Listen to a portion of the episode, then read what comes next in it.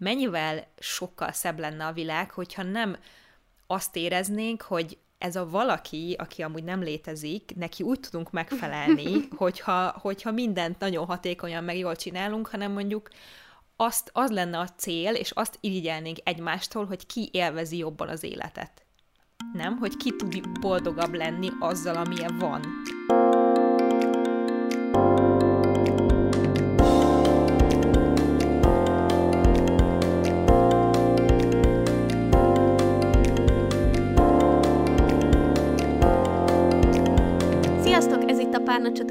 Podcast legújabb epizódja, én Viki vagyok. Én pedig Julcsi. És a mai epizódban a hustle culture-ről fogunk beszélgetni, és mindenféléről, ami ezzel kapcsolatban eszünkbe jut Vikivel.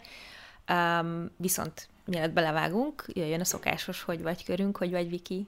Főztem magamnak egy, egy nagyon jó zöld teát, és azt fogdosom és iszogatom, illetve most online veszük fel a részt, szóval, szóval kicsit magányos, de közben pedig a, akkora kosz és rendetlenség és káosz van a lakásban, hogy őszintén szólva nagyon-nagyon cikinek éreztem volna, hogy, hogyha így megérkezel. Úgyhogy egy kicsit szomorú is vagyok, meg egy kicsit megnyugtató is, hogy, hogy most nem itt vagy. Mm, sem ennyire nem érdekelt volna. neked, ha itt lennél, de, de hogy, hogy komolyan így körbenéztem a lakásban, és, és azt mondtam magamnak, hogy akkor most realizáljuk, hogy probléma van, jó? Hogy ezen most dolgozni kell. Abszolút nem érdekelt volna egyébként se a kúpi, se a tök jó lett volna találkozni, de most ez most így jobb, ez most így jobb.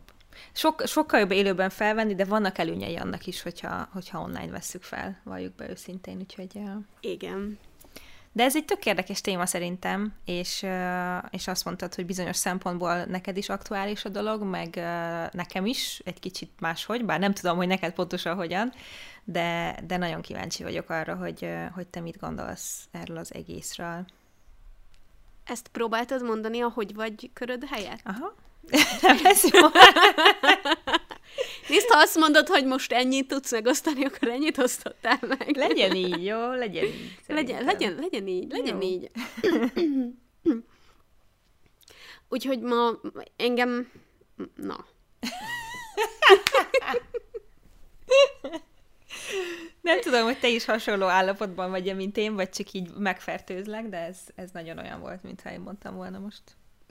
Szóval Nézd, az az igazság, hogy, hogy én nagyon remélem, hogy most már holnap elmúlik a menstruációm, mm. úgyhogy én, én most ma ebédre egy pizzát rendeltem, és az egész pizzát megettem, tehát hogy nekem a tervem már csak az, hogy ha ezt befejeztük, utána még elintézem azt a három e-mailt, amit muszáj elintéznem, és utána lefekszem a kanapéra, és pokémonozni fogok, és csak így kibírom, hogy holnap legyen. Uh-huh. Nem mint hogyha holnap tudnám, hogy valami jó dolog történik, csak holnap már nem ma lesz. Ez így van. Ez, ez egy, egy új esély lesz holnap az Én életre. Ezt abszolút átérzem, és hasonló dolgokhoz van kedvem. Bár Pokémonozni nem akarok, de a sorozatnézés a kanapén az elég jól hangzik most, úgyhogy, úgyhogy ez fog következni majd a felvétel után, de addig is mit szólnál, ha kicsit definiálnánk azt, hogy mi az a hustle culture?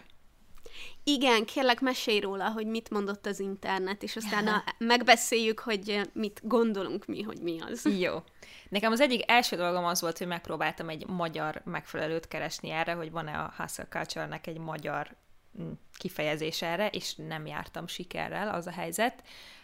A hustle egyébként az egy az így a szótár szerint nagyon sok mindent jelent magyarul, a tevékenykedés és a tolakodás volt az a kettő, amit így kihaláztam ezek közül a szavak közül, mert valahogy ezek azok, amik a legjobban így lefestik nekem azt, hogy mit akar jelenteni így a culture együtt ez a szó, de gyakorlatilag egy olyan életmódot takar, amiben a karrier olyan mértékű prioritást élvez, hogy háttérbe szorít minden mást az ember életében, a hobbikat, az öngondoskodást, az emberi kapcsolatokat és minden ilyesmit, és nyilván ez szoktak rá úgy hivatkozni, hogy toxic hustle culture, tehát hogy ez ennek van egy ilyen rossz oldala, de nem mindig mondják azt, hogy az egész rossz, ahogy van.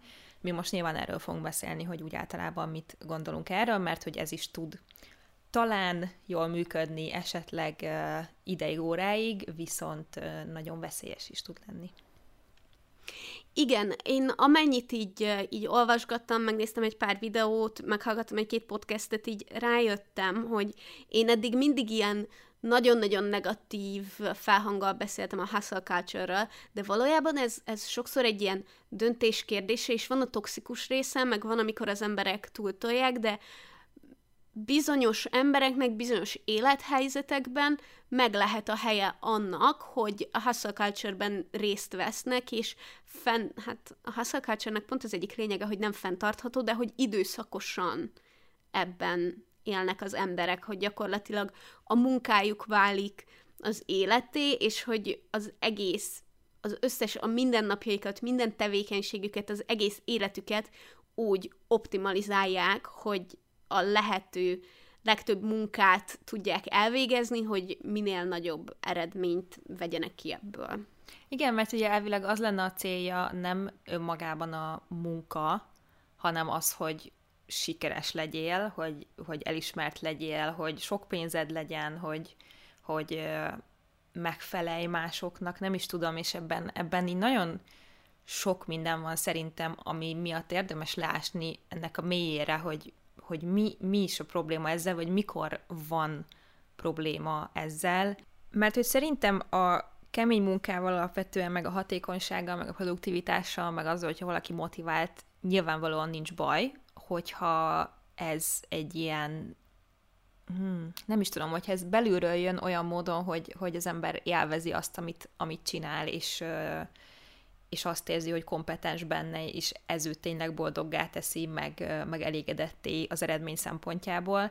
Viszont a hustle culture szerintem inkább arról szól, vagy onnan indul az egész, hogy megfeleljünk másoknak olyan szempontból, hogy mi bizony nagyon keményen dolgozunk, mi bizony nagyon elfoglaltak vagyunk, és nagyon fontos az, amit csinálunk, és, és e, ez így már egy egész más, más dolog, és én ezt, ezt a részét abszolút mérgezőnek tartom. Igen, azt gondolom, hogy ha valaki um, eldönti, hogy ő most a hustle culture-ben részt fog venni, és azt mondja, hogy mondjuk a következő egy évben ő mindent félretesz, és csak és kizárólag a munkájával fog foglalkozni, tehát hogy ilyen tudatosan bevállalja, hogy most rövidebb, hosszabb időre a, az a magánélet és munka egyensúlyt teljesen felborítja, de mondjuk tisztában van azzal, hogy ennek mik, le, mik lesznek a következményei, mik lesznek a pozitív hozadékai, meg mik lesznek a negatív következményei, akkor azzal nincsen probléma. A probléma azzal van, hogy mint társadalom az értéket a munkába helyeztük, és az, hogy jelen pillanatban az identitásunk részét képezi az, hogy mit és mennyit és hogyan dolgozunk, és, és hogy ez lett valami fajta mérce, amihez, hogyha nem tartod magad, akkor, akkor nem tudom, egyből egy szargyökér béna ember vagy, tehát, hogy valahogy amúgy én összességében véve azt érzem, hogy ha valaki egy kiegyensúlyozott életet él, akkor arra így ferdeszemmel néznek már, hogy mi az, hogy te nem halsz bele a munkába, mi az, hogy neked szabad időd van, mi az, hogy te most kikapcsolódsz, mi az, hogy ráérsz valamikor. Igen, ez, e, ebbe két dolog is érdekes, ami, amit mondtál, hogy először is nem szerinted valaki eldönti, hogy én most belemegyek a hustle culture mert én, én inkább úgy érzem, hogy ez, mármint, hogy nem tudom, én a, a 20-as éveinket látom így, aztán nyilván nem mindenki ugyanolyan, de hogy nekem a 20-as éveim voltak azok, amikor azt mondtam, hogy hát persze, hát muszáj nagyon sokat dolgozni, meg oda tenni magam, hogy, hogy elinduljon a karrierem, hogy kitaláljam, hogy mit akarok csinálni, meg amúgy is fiatal vagyok, meg húristen, de jó pénzt keresni, tudod, tehát, hogy akkor határozottan én is azt éreztem, hogy ez tök jó, és én ezt bírom, és én ezt akarom csinálni, és akkor én most büszke vagyok magamra, és ezt látom sok más emberben is, aki a 20-as éveiben van, és nekem így, így az utóbbi időben formálódott át bennem az az egész, hogy fúha, hát ez, ez azért marhára nem minden, szóval, hogy mennyivel fontosabb dolgok vannak ennél, és most ezt próbáljuk meg nem belevenni a számításba, hogy nyilván a pénzért meg kell dolgozni, és nyilván mindenkinek szüksége van pénzre, tehát nem azt mondom, hogy 30 évesen azt mondjuk, hogy akkor most kész vagyok, és mostantól nem kell, de hogy azt felismerni igenis tök jó szerintem, hogy ez nem a minden, és hogyha én most nekem le kell lassítanom, akár azért, mert van valami konkrét egészségügyi oka, mentális teher vagy akadály, ami miatt nekem azt kell mondanom, hogy jó, lelassítok, máshova helyezem a hangsúlyokat, meg a fókuszokat az életemben, nem csak erre az egy dologra. Nem tudom, hogy ez mennyire tudatos, és én inkább attól tartanék, hogy, hogy ebbe így belecsúszik az ember, és aztán nem nagyon tud kijönni belőle, amíg nem érzi mondjuk nagyon a negatív hatásait, tudod az egésznek. Azt gondolom, hogy a legtöbben igen, így belecsúsznak. És én azért mondom, hogy nem az egész egy ilyen negatív dolog, mert viszont vannak, akik tudatosan tudják csinálni, tehát hogy van, aki azt mondja, hogy, hogy lehet, hogy most 26 éves vagyok, nincsen családom, nincsen gyerekem, nincsen párkapcsolatom, és, és most nekem fontos, hogy én egy saját vállalkozást felépítsek, vagy nekem fontos, hogy most elérem, hogy engem előléptessenek a munkahelyemen, és ezért azt mondja, hogy tudom jól, hogy mondjuk a következő fél évem, egy évem az arról fog szólni, hogy rengeteget fogok dolgozni, és ezt fogom minden fölé helyezni. Van, vannak azok a helyzetek, amikor az ember meghoz egy ilyen döntést. Vagy amiatt, mert úgy érzi, hogy most ugróponthoz érz, érkezett a karrierjében, és plusz erőbefektetést igényel, hogy ezt mondjuk meg tudja ugorni, vagy azért mondjuk, mert valaki pont egy olyan élethelyzeten ment keresztül, hogy mondjuk elköltözött valahova távol az ismerőseitől, vagy elveszített valaki hozzá közel álló embert, aki mondjuk az idejének eddig egy jó részét kitette, akár mondjuk egy barátot elveszített, vagy egy párkapcsolatot elveszített.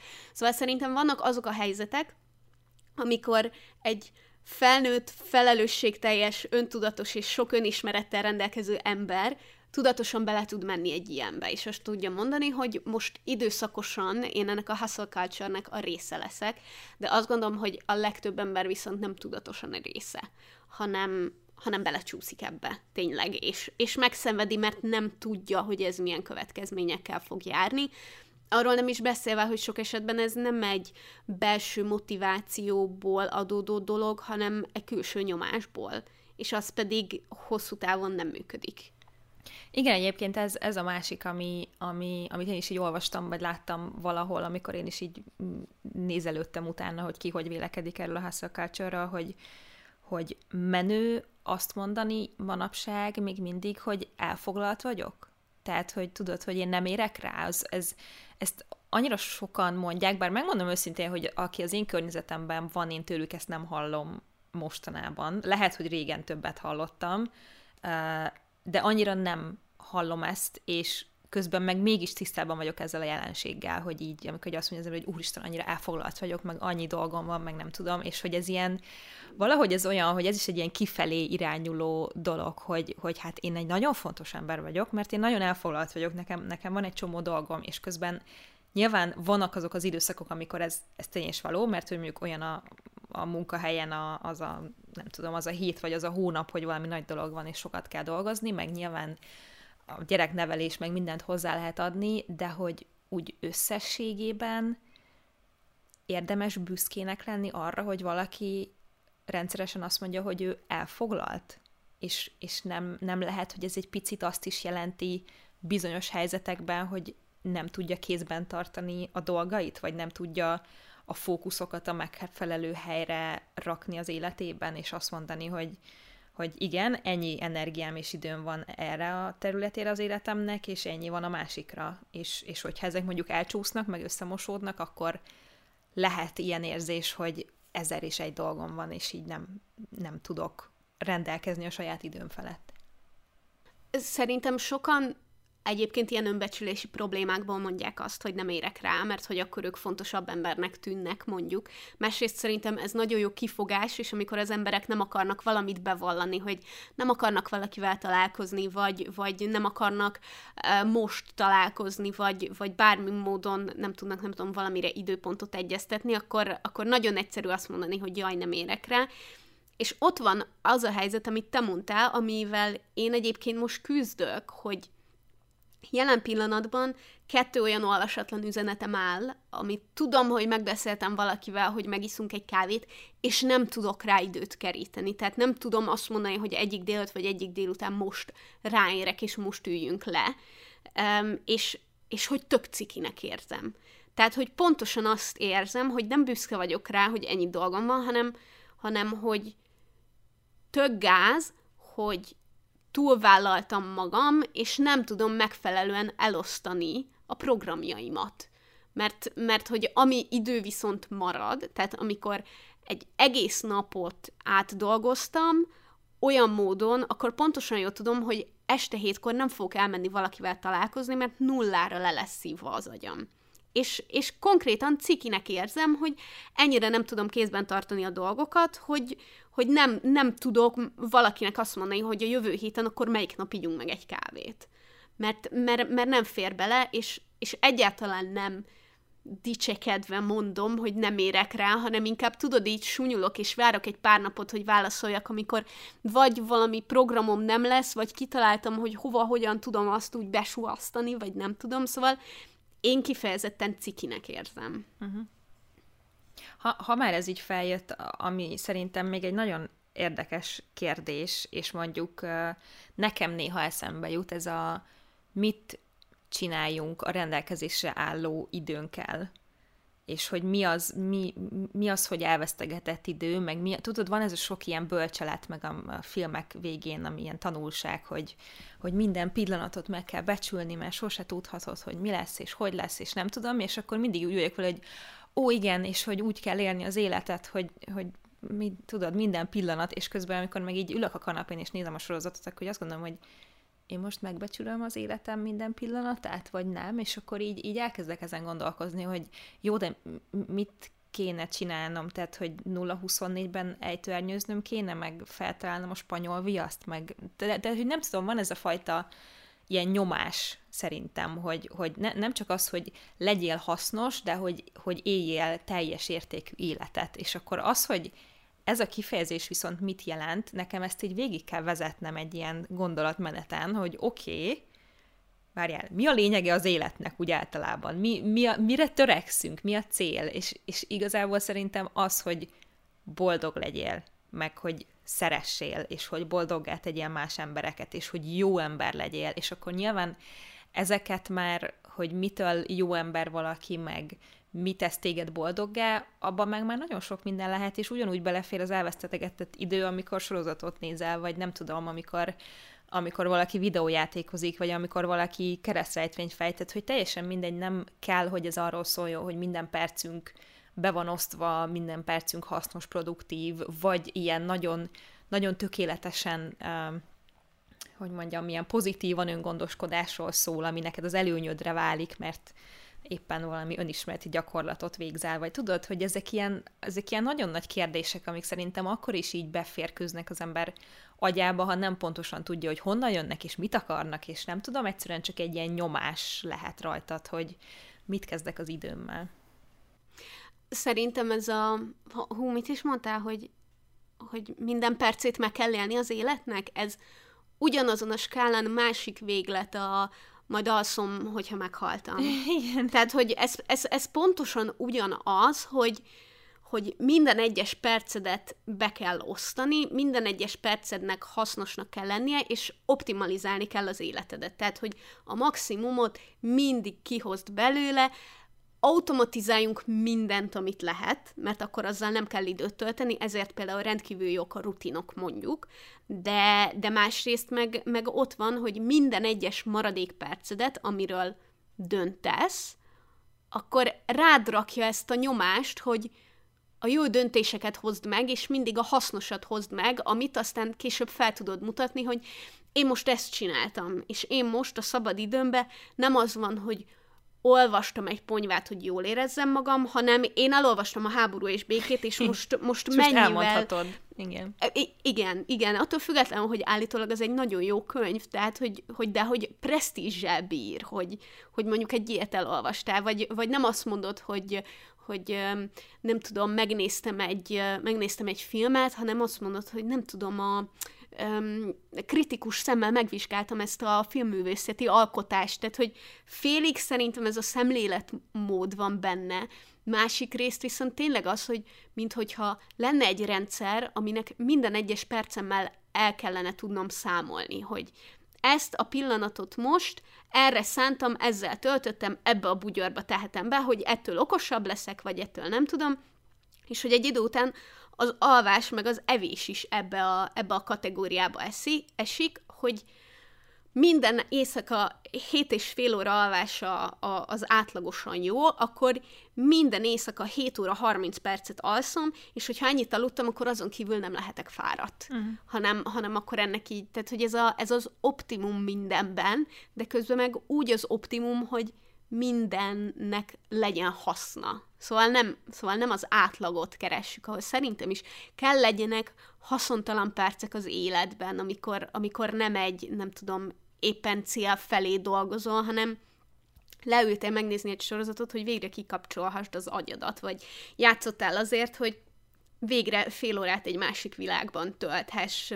És ezen nagyon érdekes, amikor olyanokat olvasok, hogy az olyan percekkel is el kell számolni, hogy mondjuk amikor valahova tömegközlekedsz, és van 40 perced, akkor, akkor meghozhatod azt a döntést, hogy az alatt tanulsz, vagy olvasol, képzed magad, fejleszted magad, előrébb haladsz, vagy csak bámulsz ki az ablakon, és zenét hallgatsz. És hogyha az utóbbit teszed, akkor, akkor minthogyha az egy kihagyott lehetőség lenne és ezek borzasztóan toxikus gondolatok. Ez, ahogy így beszéltél róla, és nyilván tudom én is, hogy így van, de hogy összefoglaltad, hogy mi lenne a cél hatalmas idézőjelben, hogy, hogy optimális emberi lények legyünk, hogy, hogy akkor az alvás meg az evés az csak a túlélésért van, és hogy egyébként mindent úgy kell igazítani, hogy minél többször legyünk, minél hasznosabbak, meg produktívabbak, meg nem tudom mi.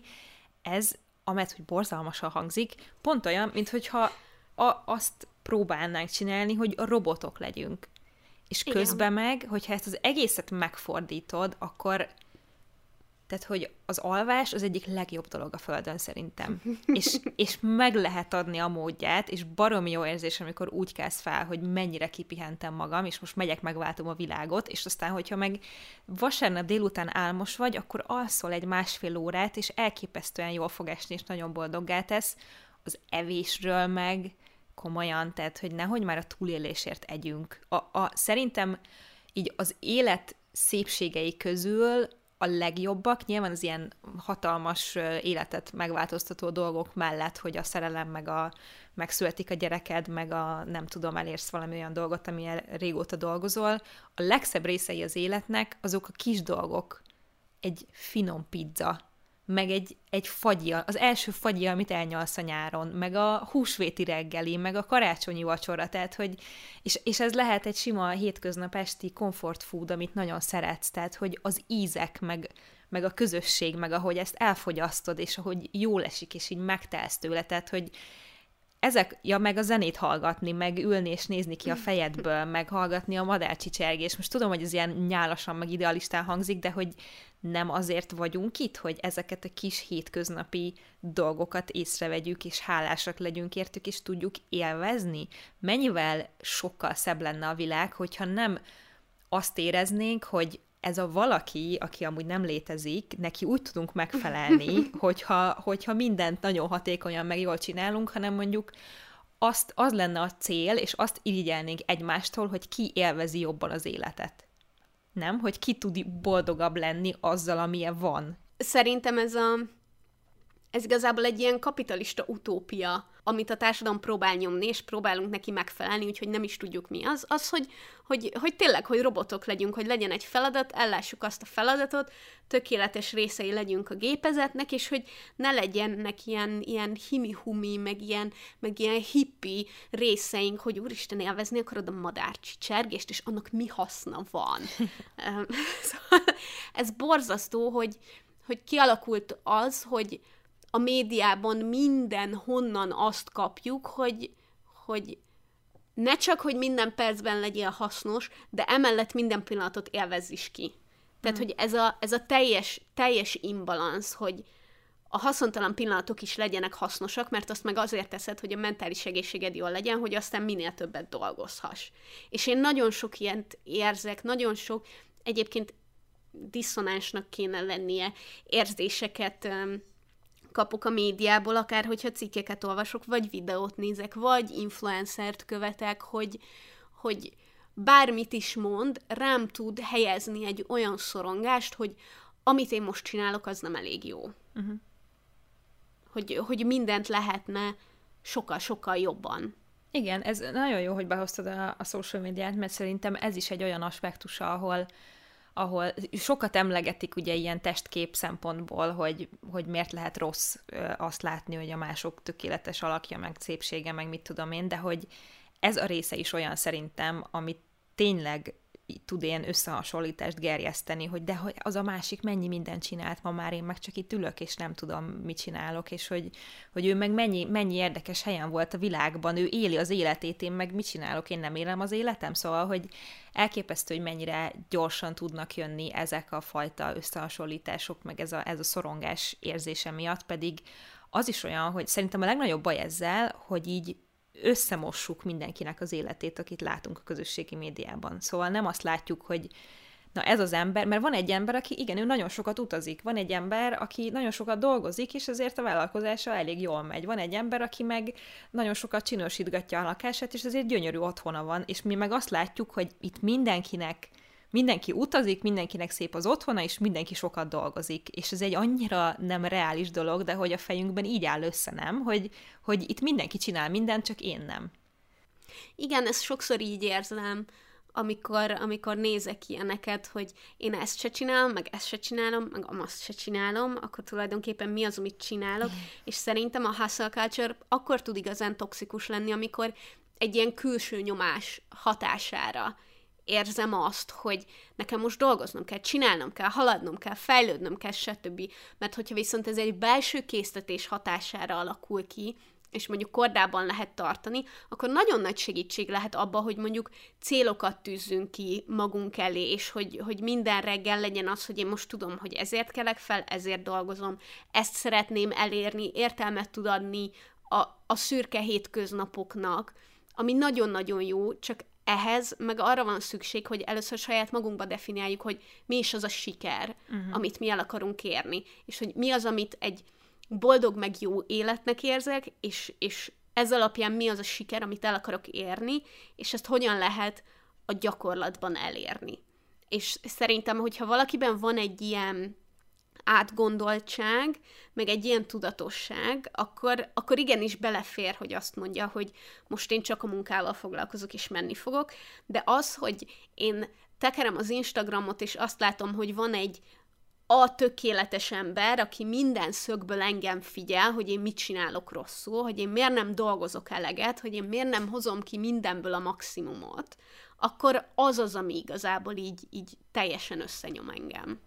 Igen, szerintem az, az egy nagyon fontos, vagy az egyik legfontosabb gondolat, hogy először is saját magunknak kell definiálnunk. Nyilván a rendelkezésre álló információkból, meg, meg abból, amit másnál látunk és irigylünk tőle, de hogy saját magunknak kell definiálni azt, hogy mi az a siker, és hogy mi az, ami nekem fontos. Tehát, hogy én mit szeretnék elérni, mikor leszek elégedett, mikor fogom azt mondani, hogy sikeres vagyok. És egyébként az az érdekes, hogy ez a nagyon alap, akik, akik részt, vennek, részt vesznek a hustle culture-ben, és ahogy így beszélnek róla, meg kutatják ezt a jelenséget, ott ugye azt szokott kiderülni, hogy tényleg arról van szó, hogy valaki annyit dolgozik, annyira a karrierének él, hogy elhanyagolja a többi kapcsolatát. És ugye, ahogy te is mondtad, hogy ez nem egy fenntartható dolog. Tehát, hogyha valaki sikeres ebben a hustlingben, az azt jelenti, hogy nagyon sok pénze van, nagyon jó karrierje van, ő egy fontos ember, de nincsenek körülötte olyan emberek, barát, család, akikkel jó és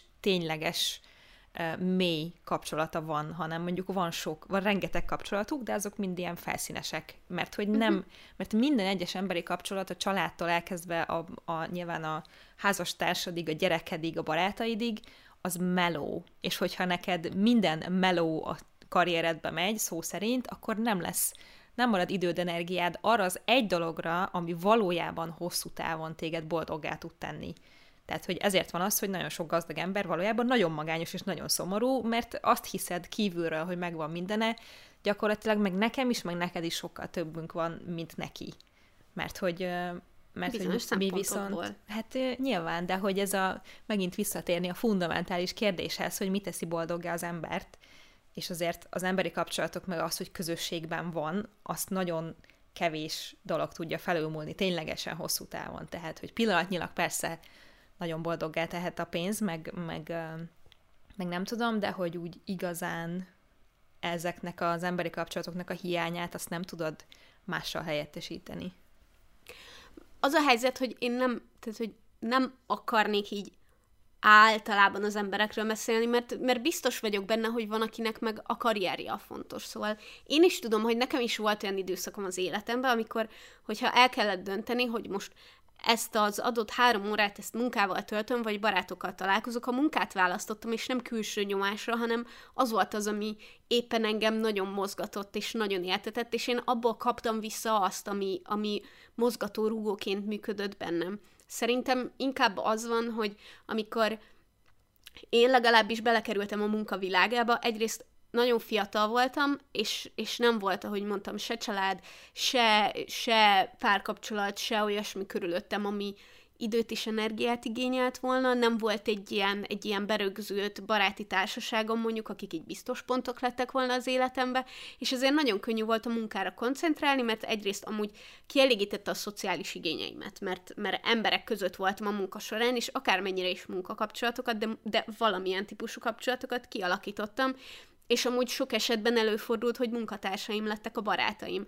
De hogy akkor egészen más volt így a prioritás, míg most már, így, hogy idősebb vagyok, ha-ha-ha, mert már több mint 30 éves vagyok, de 86-nak érzem magam, most már nekem szerintem főleg, főleg egy mentális egészség fordulópont miatt, meg, meg egy nagyon emiatt bekövetkező nagyon komoly önismeret miatt fordult meg oda, hogy bizonyos emberi kapcsolatokat sokkal nagyobbra tartok, mint, mint adott munkákat. Persze ebbe is, tehát hogy meg kell lenni a balansznak, mert azt se lehet mondani, hogy az emberi kapcsolataim mennyivel sokkal fontosabbak a munkánál. Szerintem ez mindenkinél egyedi, és mindenkinél időszakos. Persze, de én most nem is arról beszéltem, hogy boldogtalan, aki a munkát választja meg a karrierjét, hogyha valaki x évig ezt csinálja, hanem aki egész életében ezt csinálja, érted? Tehát, hogy ott van 65 évesen, és azt tudja felmutatni, hogy nagyon gazdag és sikeres. De Biztos mivel van, egész... ez boldoggá tesz. Gondolod, hogy Biztos, nem? hogy van az a kivétel, de hogy érted a logikáját annak, amit mondok. Igen, hogy nem, nem, a, nem arról van lenni. szó, aki Igen. a 20-as év, mert a 20-as éveiben szerintem az emberek legnagyobb része ebben van benne, hogy akkor a munka, meg a karrierépítés, meg kitalálom, hogy ki vagyok tele vagy energiával, nyilvánvalóan, az szerintem majdnem mindenkire igaz, de valaki ebből nem jön ki, hanem, hanem ezt csinálja egész életében, mert nem tud belőle kiszakadni. Én inkább akkor azt mondanám, hogy szerintem szükséges bizonyos időszakonként egy ilyen felülvizsgálatot tartani. Mert hogyha valaki tényleg három évente leül magával, és azt mondja, hogy engem még mindig munka tesz boldoggá, meg engem még mindig a munka tesz boldoggá, és ez így van, akkor akkor, akkor neki az jó ott 65 és Reálisan szerinted ezt hányan teszik meg? Nagyon kevesen. Na, erről van szó. Szinte senki. De, de azért mondom csak, hogy biztos vagyok benne, hogy van ilyen ember. Én az én életemet nem tudom elképzelni, és szerintem nem ennek kéne a... a, a szerintem ez nem, nem az, hogy nem normális, hanem, hanem egy szélsőségnek kell lennie ennek szerintem. Mert hogy a lényeg az pont az lenne, hogy kiegyensúlyozzuk a munkát, és, és mondjuk a, az emberi kapcsolatokat, meg az öngondoskodást, meg minden aspektusát az életünknek. Nyilván az egy tök szar dolog, hogy, hogy véges erőforrásaink vannak erre, ami az idő, meg az energia, az, az véges, és sose tudok mindenhova annyit elkölteni, mint amennyit szeretnék. Persze, meg hát alapvetően mindenki úgy éli az életét, ahogy szeretnéd, szóval nem erről van szó, hogy majd most mit megmondjuk a tútit, én csak azt mondom, hogy szerintem nagyon fontos erről beszélni, mert hogy tényleg van ez a láthatatlan erő, meg nyomás rajtunk mindennel kapcsolatban, amit eddig beszéltünk, hogy sikeresnek kell lenni, hogy legyen sok pénzed, hogy legyen meg mindened, de hogy, hogy szerintem nagyon fontos megállni és megkérdezni, hogy oké, okay, de várjál, mi az a minden? Mi, mi az, ami, ami igazából számít, ami igazából fontos, és amire, amire jó törekedni? Mert, mert hogyha nem beszélünk róla, akkor ez így ugyanúgy ott marad a kis hang a fejünkben, hogy mennyi mindent kell még elérnünk, az a másik mennyi mindent ért el, és akkor nem azon gondolkozol, hogy jó, de várjál, de én mit szeretnék vagy legalábbis nagyon ritkán gondolkozol ezen. És beszélsz valaki mással erről, hogy azt mondja, hogy úristen, tényleg, hát nem muszáj, hogy meghalljak a munkában, hanem, hanem vannak más és fontosabb dolgok is. Igen, szerintem ez egyrészt önismereten múlik, kiborult a táj, önismeret. Másrészt pedig azon, hogy nagyon nehéz úgymond így kiszakadni a csordából. Tehát, hogy ha körülöttem mindenki ezt csinálja, és mindenki folyamatosan dolgozik, és mindenki csak a sikereit mutatja fel, és, és mindenki azt mutatja a világ felé, hogy az az érték, hogy ő mennyit dolgozik, és hogy ezzel mondjuk miket ér el, akkor nagyon nehéz nekem így egyedül szembe menni ezzel az árral. És viszont minél több olyan embert látok, akik szintén azt mondják, hogy, hogy hát gondolkodjunk el, hogy milyen az a slow life, tehát hogy próbálj ki, hogy milyen, hogyha minden héten van egy szabad napod. Tudod, a két szabad napból, ami lenne minden héten, abból próbáld ki, hogy van egy, nem pedig nulla.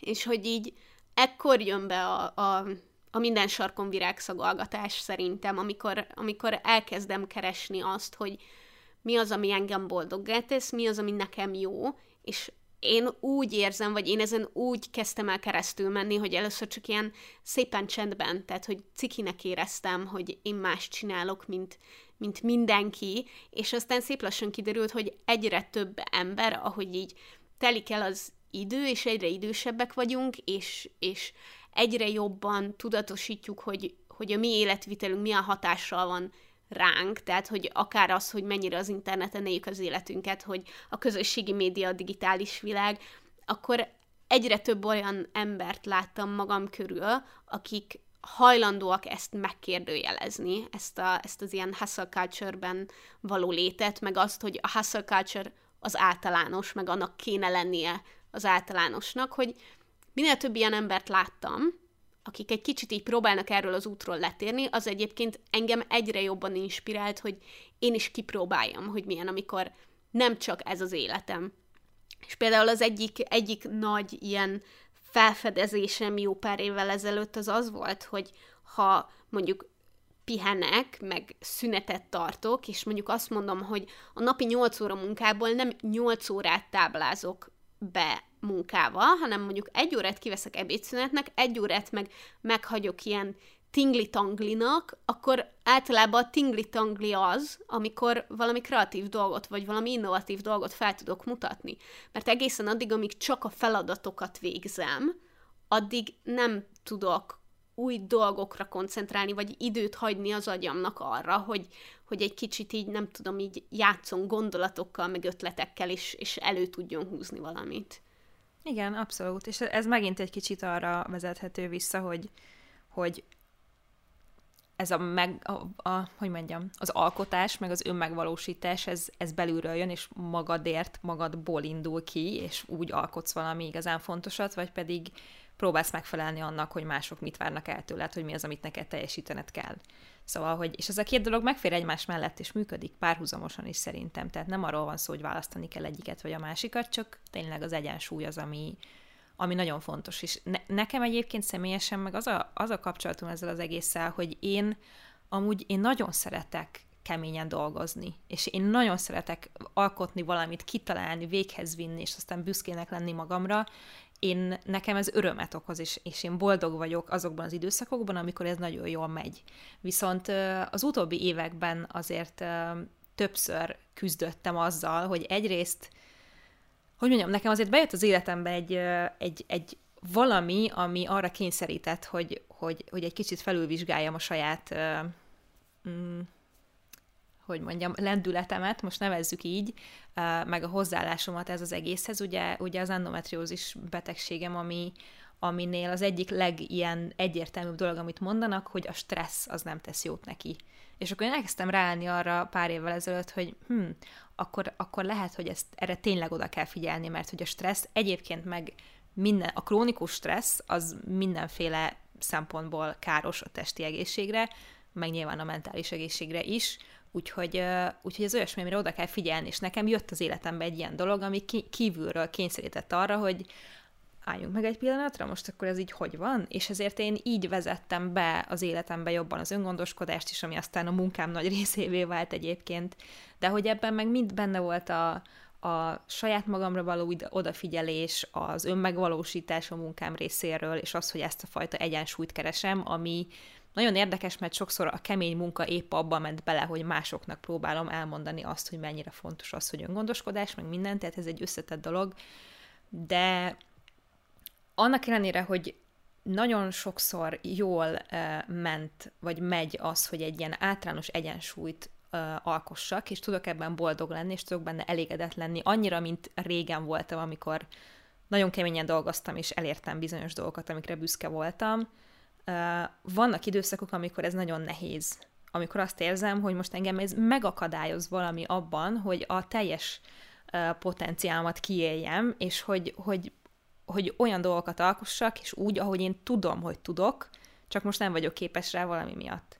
És nekem például ez a része nagyon nehéz tud lenni, elfogadni azt, hogy hiába tudom, hogy ez most egy időszak az életemben, amikor nagyon jó oka van annak, hogy miért nem tudok annyit fókuszálni és annyit belerakni a munkámba, mint ezelőtt tudtam, vagy mint tudom, hogy fogok majd évek múlva, amikor más lesz a helyzet, attól még ezt nehéz elfogadni.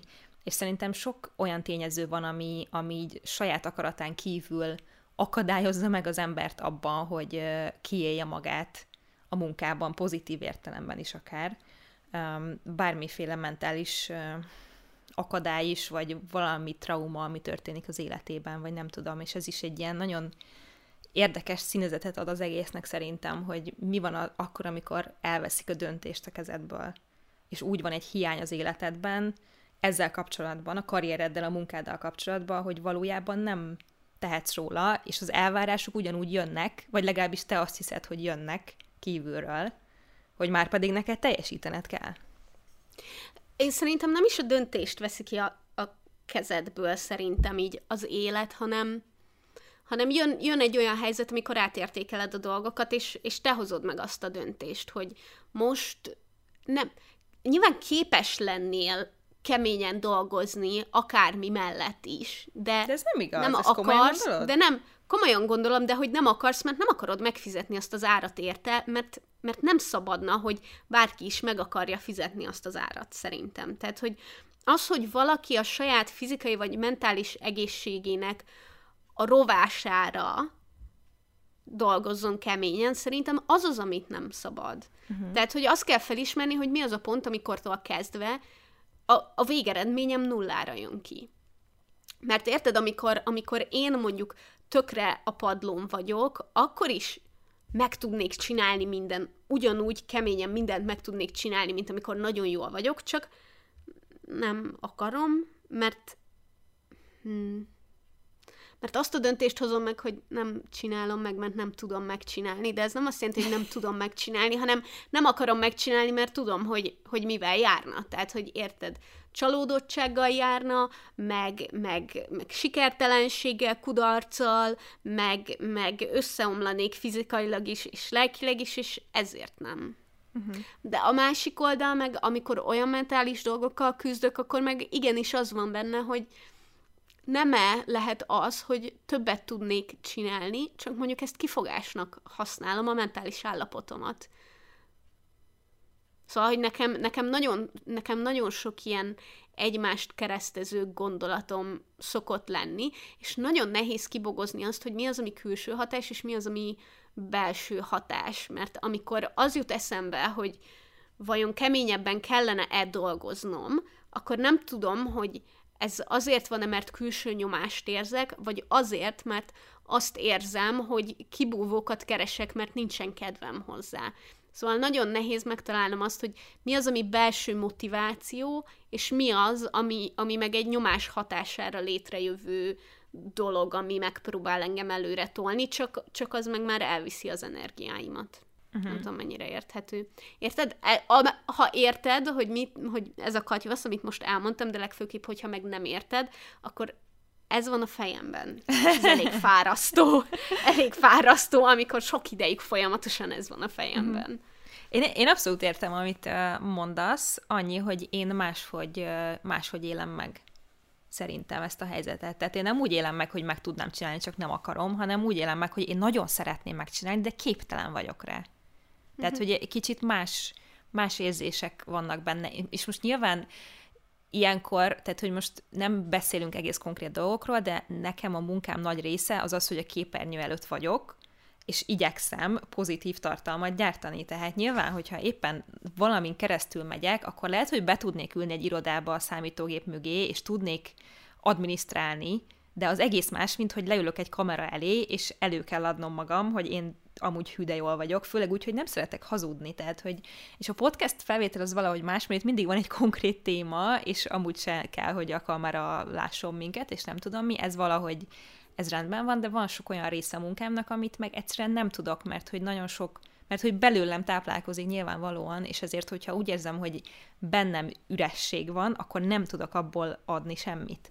És ezért én, én ezt egy ilyen nehézségnek és egy ilyen külső hatásnak élem meg, hogy engem valami most akadályoz. Ezért, ezért mondom azt, hogy érzem én úgy, hogy nagyon szeretném, mert nagyon élvezem, és, és tök jó, és tudom, hogy képes vagyok rá általában, de most úgy érzem, hogy most nem. Tehát, hogy szerintem nagyon sokféle dolgot tud kihozni az emberből az, hogyha, hogyha ha, ha keresztül megy valamin, meg nyilván a, a, az is, hogy milyen kapcsolatai vannak, és ők mennyire támogatják akár ebben az egész karrier dolog. Szóval, hogy mindegy, rengeteg tényező van, csak azt mondom, hogy ez még mind nehezíti, meg bonyolítja ezt az egészet, hogy most akkor sikeresnek kell lenni, meg, meg mit tudom én, meg hogy kerget minket az idő. Azt hiszem, hogy az előbb, amit mondtam, és ahogy elkezdtem mondani, az kicsit olyan volt, hogy arra van időd, amire te szánsz. Nem olyan volt, de és, értem, és most, mondasz. És most lehet, hogy, tehát, hogy hmm, ezt a részét lehet, hogy inkább kicsit így visszavonnám, vagy nem akart, tehát, hogy visszahallgatva saját magamat úgy érzem, hogy egy kicsit, mintha ezt mondtam volna. És nem ezt akartam mondani, hanem, hanem inkább azt, hogy, hogy megvan a kezünkbe a döntés, hogy ne csináljunk meg dolgokat, hogyha nem akarjuk. Tehát akkor is, hogyha úgy érzem, hogy képes lennék rá, hogyha úgy érzem, hogy mondjuk szarul csinálnám meg, vagy valami más most sokkal inkább előnyös lenne, akkor, akkor meghozhatom azt a döntést, hogy nem kell mindenképp megcsinálnom azt, amire képes vagyok, csak azért, mert képes vagyok rá, hanem eldönthetem, hogy mi az, amit én meg fogok csinálni. És inkább, inkább erre akartam utalni. Én, én abszolút értettem, de szerintem nem is baj, hogy ha egy picit más a megélésünk, mert hogy biztos, hogy mindenkinek más. Tehát, hogy a közös bennünk az, hogy azt érezzük, hogy meg kell felelnünk a társadalom elvárásainak ilyen szempontból is, hogy sikeres legyél, meg produktív, meg mit tudom én, és hogy uh, ja. Szerintem az egyik legfőbb dolog, amit amit így ki kell emelni ebben a témában, az az, hogy egy olyan életet kell felépíteni, ami fenntartható. És ebben a fenntarthatóságban nagyon sok minden van, például a munka egyensúlyban, hogy igenis, mivel az az optimális, hogyha van egy támogató háttered, egy, egy szociális hálód, akkor igenis azért dolgozni kell, és abba is időt és energiát kell tölteni, hogy, hogy az ott neked meglegyen, ne hogy Isten még élvezed is, hogy a barátaiddal, meg a családoddal, vagy úristen. Um, de hogy meg, hogy ezzel, ezzel tervezni kell, amit nagyon sok ember nem csinál meg, kifejezetten, ugye akik ilyen nagyon hustlerek, vagy nem tudom, hogy kell mondani, akik nagyon hustlelnek, azok, azok nagyon sokszor mondjuk egy egyéni vállalkozást, vagy egy új vállalkozást próbálnak felépíteni, és azért nagyon benne vannak a hustle és, és nagyon nehéz, legalábbis én úgy emlékszem, hogy nektek is volt ezzel problémátok, de nekem is volt problémám, és szinte mindenkinek, akit ismerek, hogy tervezni kell nyaralást, meg szünetet. Szóval, hogy amikor valaki elkezdi a saját vállalkozását, akkor nagyon könnyű beleesni abba, hogy nekem most folyamatosan dolgoznom kell, hogy bizonyítsam, hogy azért mondtam fel mondjuk a munkahelyemen, mert hogy van elég munka, amit tudok csinálni, és meg tudom csinálni azt a munkát. És ez egy adott ideig egyébként működik, mert az elején így nagyon hajt az, hogy úristen, meg lesz ebből a megélhetésem, meg van ennyi dolog, amit, amit csinálni kell, meg hogy fog ez az egész működni, de abban a pillanatban, hogy ez egy kicsit lelassul, át kell alakítani oly módon, hogy, hogy fenntartható legyen, és azt tud mondani, hogy az az életvitel, amit most csinálok, azt úgy tudnám csinálni mondjuk 5-10 éven keresztül. És én pontosan ezt érzem, hogy nem akarom azt, hogy két év múlva is mondjuk pontosan ugyanott üljek, hogy ha valaki azt mondja, hogy ígyunk meg egy kávét, akkor akkor ne tudjak neki mondani egy időpontot a következő két hétben, hogy mikor tudjuk meginni azt a kávét. Mert ja. hogy ez hosszú távon nem egy működő dolog. És lehet, hogy most ez van, csak, csak fel kell ismerni, hogy akkor ezt a rendszert át kell alakítani úgy, hogy működjön, hogy beleférjen mondjuk minden olyan dolog, amit meg akarok csinálni, és nem csak a munka oldaláról, hanem minden olyan dolog, ami nekem fontos, és igenis fontosnak kell lennie a, a szociális életnek is, meg fontosnak kell lenni a hobbiknak is, és úristen, az egyik dolog, amitől a falra mászok, szerintem már többször beszéltünk róla, hogy amikor, amikor a hustle culture-ben lévő emberek azt kérdőjelezik meg folyton, hogy te miért nem akarsz pénzt csinálni a hobbitból amikor elkezdesz egy új hobbit, mondjuk elkezdesz, nem tudom, festeni, vagy valami, és egyből megkérdezik, hogy de hát miért nem festes, festesz, és aztán adod el egycén, és akkor abból is pénzt kereshetnél, és előbb-utóbb akár a karriered is lehetne, hanem hogy csak úgy élvezetért csinálni dolgokat. Igen. Igen, ez, hát, ja, ez nagyon érdekes, meg így nyilván az önmegvalósítással kapcsolatban is, amiről ugye sokat beszéltünk a generációs, a milleniálos epizódban, hogy ez a mi generációnknak egy ilyen nagy-nagy dolog, hogy az önmegvalósítás az fontos, és a munka helyen vagy a munkájában az embernek. Én ugye abszolút ebben vagyok, tehát én, én úgy érzem, hogy akkor tudok igazán keményen meg sokat dolgozni, hogyha tényleg látom az értelmét, és hogyha szenvedélyes vagyok a dologgal kapcsolatban. Viszont van olyan ismerősöm, akinek van egy amúgy tök jó munkahelye, és mellette van egy elég komoly hobbija, amit meg csinál aktívan otthon.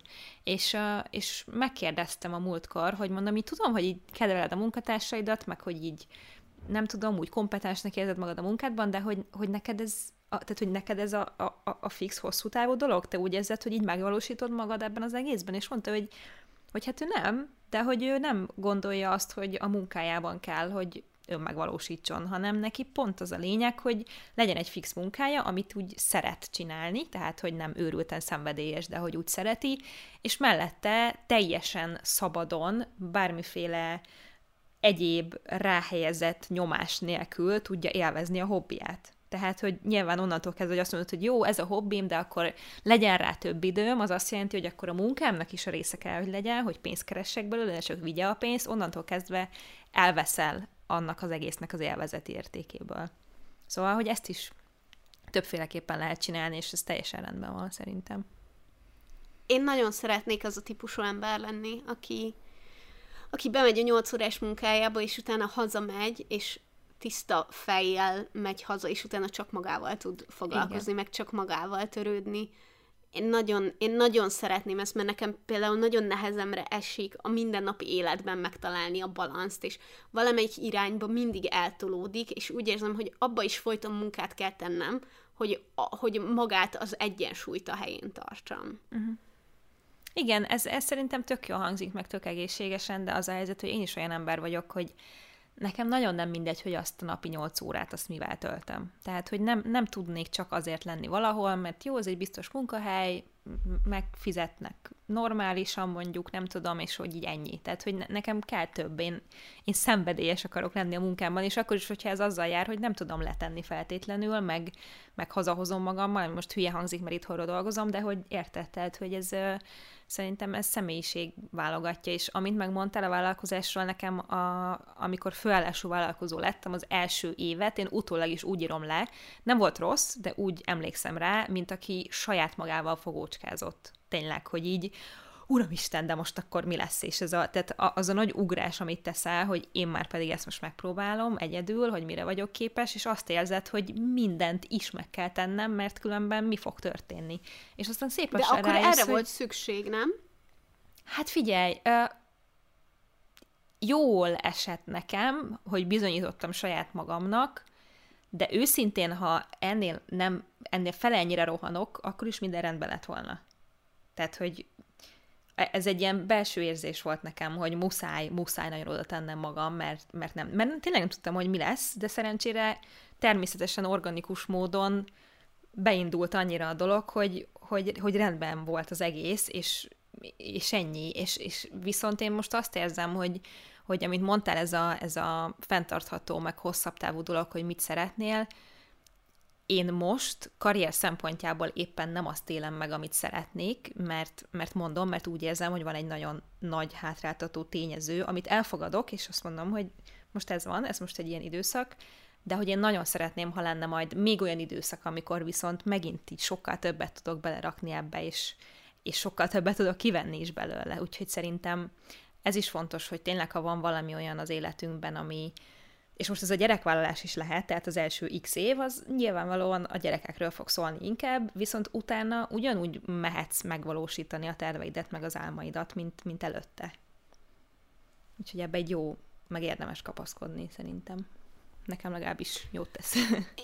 Igen, nekem, nekem egyébként a te utadból az jött le, hogy igen, amikor vállalkozó lettél, akkor az első egy évben nagyon, nagyon pörögtél, és nagyon csináltad, de én kív, külső szemlélőként úgy láttam, hogy nagyon élvezed, és én mindig is azt irigyeltem ebben a legjobban, hogy belső motivációból csináltad, és bebiztosítottad magad úgy, hogy később ezen a biztos alapon tudjál egy nyugodtabb életet vezetni. Szóval, minthogyha azt az egy évet, én úgy láttam kívülről, hogy minthogyha azt az egy évet azzal töltötted volna, hogy felméred a határokat, és meglátod, hogy ebben a rendszerben hogyan lehet a legjobban élni. Nem uh-huh. csak a legjobban dolgozni, hanem a legjobban élni. És Igen. én ezt mindig is nagyon, nagyon irigyeltem, vagy én ezt így kívülről így éltem meg. És oh. ez volt az, amire, amire leginkább irigykedtem. Oh. Hát uh, nyilván ez volt a terv, de azért ha az ember egy ilyen helyzetben van, és éppen aggódik valamin, hogy vajon mi lesz, akkor nem ennyire tudatos, hogy jó, most ezt az egy évet arra szánom, hogy, és akkor a következő majd úgy fog ki. Tehát ezt utólag derül ki, hogy, Nyilván. hogy jó, akkor ez így sikerült, és akkor ez így rendben van. És uh-huh. uh, ja, tehát, hogy, hogy, hogy csak ennyi, hogy most a, így, csak így azon gondolkozom, hogy a hallgatók, akik most így itt vannak velünk, és, és nyilván gondolom, hogy mindenki belegondol a saját helyzetébe, hogy nagyon fontos felmérni, megkülönböztetni azt, hogy az a helyzet, amiben vagy, ha most téged nem tesz boldoggá, akár azért, mert úgy érzed, hogy halára dolgozod magad, akár azért, mert úgy érzed, hogy nem, nem vagy kompetens, nem veszel ki annyi elégedettséget, meg, meg nem is tudom mit, visszajelzést, vagy nem tudom, a munkádból mit szeretnél, hogy ez, ez egy olyan dolog, ami neked kell változtatnod, vagy ez most egy időszak, és vannak olyan tényezők, ami miatt ez most így van, és esetleg tudsz rá úgy tekinteni, hogy jó, most ez van, most ezt így kibírjuk, de akkor majd tudom, hogy lesz máshogy, hogy azt mondod, hogy jó, itt valami nem oké. És valamit, valamit, valamit lépnem kell. Uh-huh. Vannak egyébként olyan munkahelyek, ahol ilyen abszolút időszakos dolgok vannak. Tehát, hogy én is mondjuk amilyen munkahelyeken dolgoztam, és voltak olyan események, olyan rendezvények, olyan határidők, amikről így előre tudtuk mindig, hogy na itt majd rohadt sokat kell dolgozni, de hogy akkor utána lehet egy, lehet egy picit lazulni, és így ki lehet ezt az egészet balanszolni. Csak az a baj, hogyha utána nincsen meg a lelassulás rész, mert hogy akkor nem, akkor nem tudtam soha visszatölteni az energiámat, mert jött a következő dolog mindig.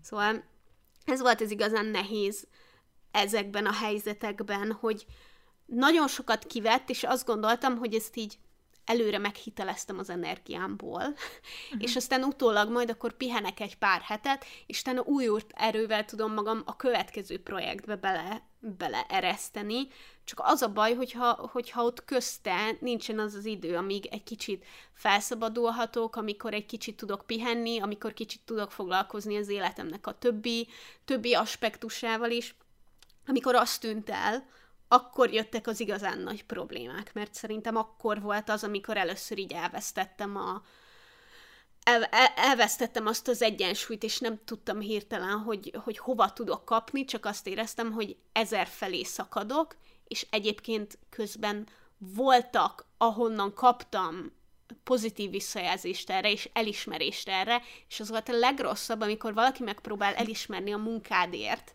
és én meg ott állok, és az van bennem, hogy értem, köszönöm, nagyon jól esik, ez nagyon sokat ad nekem, hogy valaki így felismeri, hogy ezt csinálom, meg értékeli, meg minden, de hogy közben meg lehet, hogy mennyivel jobb lenne, hogyha most ha egyszerűen hazamehetnék, és 8 órát aludhatnék. Igen. Abszolút. Szóval ez, bo- ez borzasztó nehéz lesz, és szerintem én így az elmúlt, elmúlt uh, nem tudom, 8 év alatt nagyon sok különböző helyzetet megéltem különböző munkahelyeken, de mondjuk olyan munkám még sose volt, ahol tényleg így nyolcszor után így bezárom az ajtót, és utána hazamegyek, és, és más dolgokkal foglalkozok, hanem valahol azért mindegyik munkahelyem olyan volt, ahol, ahol nyilván így a médiában, ahol ez a hustle culture, ez egy ilyen teljesen átlagos jelenség, és, és akkor néznek rád furán, hogyha 18 óra 0 akkor hazamész, és nem e-mailezel még otthonról. Igen, azt akartam mondani, nem csak, hogy általános, de elvárt jelenség igen, és elvárt igen. dolog is a munkáltatótól, hogy hát mit gondolsz, hogy hazamész, hiszen még dolog van, és nem tudom. És én emlékszem, hogy egyszer, még így az elején a, a karrieremnek, amikor dolgoztam, volt egy olyan, hogy volt egy nap, amikor így reggeltől este, nem tudom, tízkor értem haza, vagy valami ilyesmi, és másnap megkérdeztem a főnökömet, hogy elmehetnék-e a két órával korábban, mert hogy tegnap este tízig dolgoztam, és mondta, hogy ez nem így működik. Tehát, hogy nem. Ma is What? a munkaidőd x óráig tart, és kész, és akkor így álltam, hogy Ja, Akkor az a tegnapi az mi? Hogyan? Mi? És nem voltam, hogy túlórát kifizetünk, meg ilyesmi. Tehát, hogy így uh-huh. ez a, mhm. se az, hogy kifizetjük, se az, hogy lecsúsztathatod, semmi. Ez van, és uh-huh. kész, szogd meg, hogy ez így van. Szóval, um, ja, Nyilván, Igen, nyilván én is ilyen helyzetben olyat, ahol nehéz. Egy teljes szombati napot is át kellett dolgozni, és akkor cserébe azt kaptad, hogy hétfőn csak 11-re kellett bemenni. Mm. Hát ez az teljesen egyenértékű, szóval.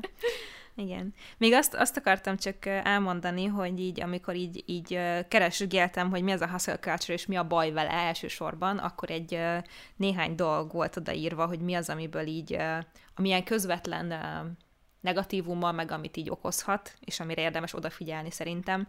A, ilyenek az alváshiány, a krónikus stressz, ami ugye mindenhova beszivárog az életedben, nem csak a munkával kapcsolatosan, a, ezek a fenntartatlan elvárások, hogy hiába teszel meg minél többet, sose lesz elég, és sose lesz jó.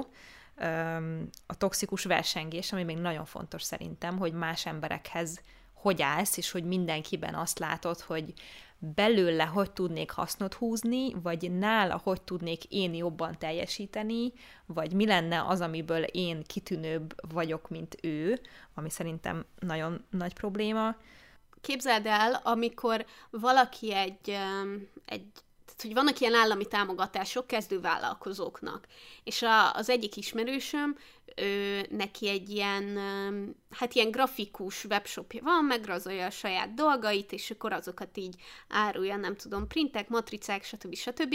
És mindig, amikor, amikor jelentkezel egy ilyen, egy ilyen kezdővállalkozó, um, mi az ilyen pályázatra, akkor hát ilyen üzleti tervtől elkezdve mindenfélét be, be kell adni, de az egyik ilyen, amit be kell adni, az egy, az egy um, mi az ilyen competition felmérés, ilyen versenytárs uh-huh. elemzés. És meg kell nézni, hogy a piacon milyen versenytársaid vannak, azok hogyan hatnak a te munkádra, stb. stb. És annyira tetszett a felfogás, hogy azt, azt mondta, azt írta le, hogy mivel amit ő megrajzol, az teljesen egyedi, és csak ő tudja előállítani, ezért arra sem tekint versenytársként, akinek mondjuk ugyanígy grafikákkal foglalkozó webshopja van. És ez nekem annyira megmaradt, hogy mennyire igaz basszus, hogy akármennyire is azt gondolnád, hogy ugyanabban a szférában dolgoztok, és egymás versenytársai vagytok, valójában nem, mert az fogja ezt megvenni, akinek, akinek tetszik. Tehát, hogy amit te előállítasz, az, azt csak te tudod előállítani. Uh-huh. És ez nekem Igen. nagyon tetszik, főleg, főleg kreatív területen, de, de az tény, hogy ez az ilyen, ilyen versengés dolog, ez, ez nagyon toxikus módon belénk van, belénk van verve, és a legcsúnyább ebben, hogy ez egy öngeneráló folyamat. Uh-huh. Tehát, hogy mindig megpróbálok többet tenni, mint a másik, és azért a másik is megpróbál mindig többet tenni, mint én, és aztán emiatt én is mindig többet teszek, mert többet akarok tenni, annál a többnél, mint aminél többet ő csinált az én többemnél. Igen, és sosincs vége, és abszolút nem egészséges. Igen. És lehet, hogy egyfajta együttműködés meg sokkal előrébb vinne mindenkit, uh-huh. ahogy ezt néha szerencsére látjuk is, és én nagyon-nagyon szeretem.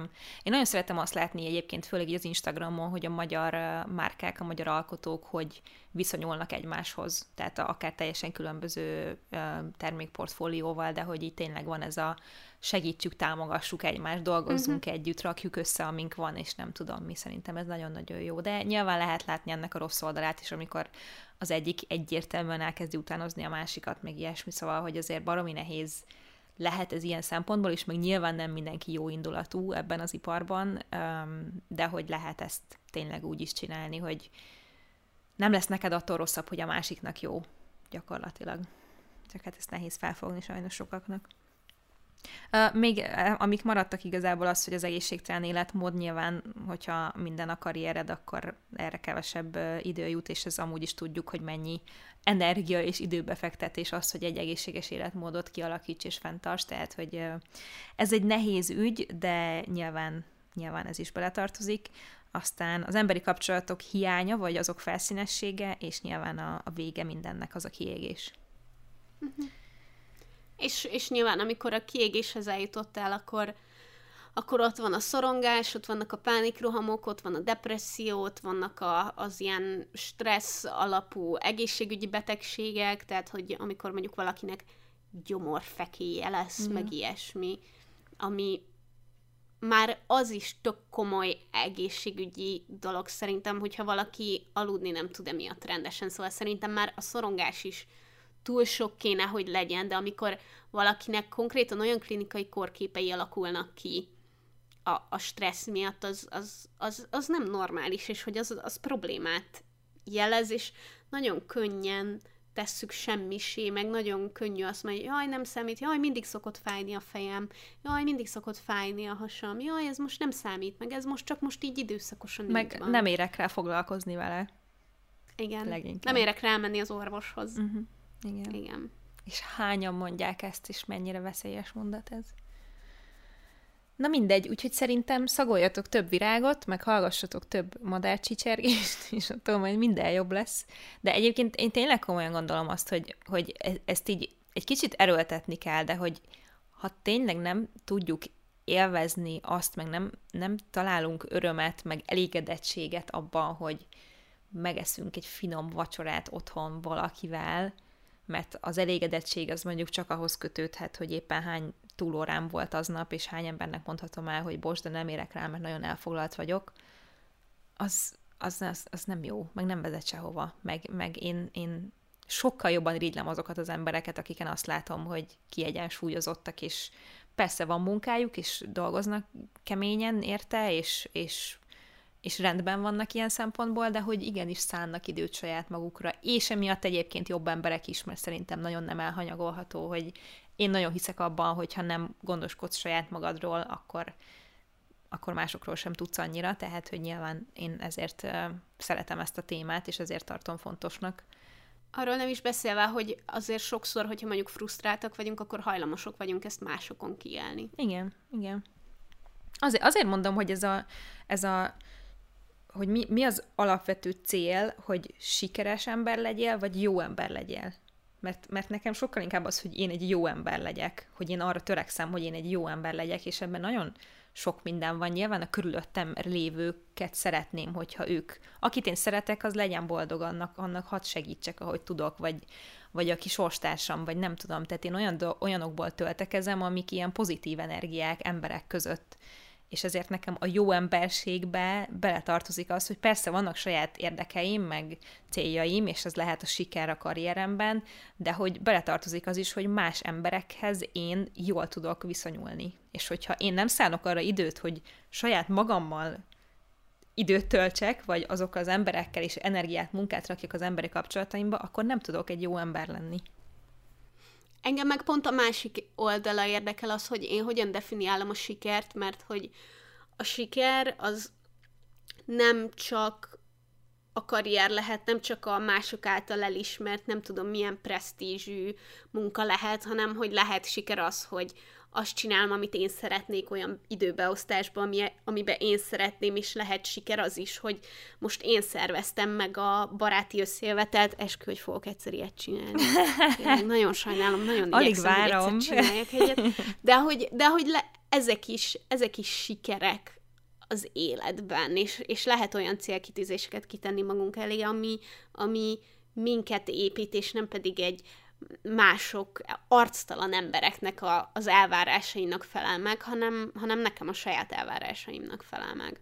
Igen. Csak ehhez tudnom kell, hogy mi az a siker, meg mi az a cél, amiért dolgozom. Először azt kell definiálni saját magamnak, mert akkor tudom, hogy azt hogyan érhetem el.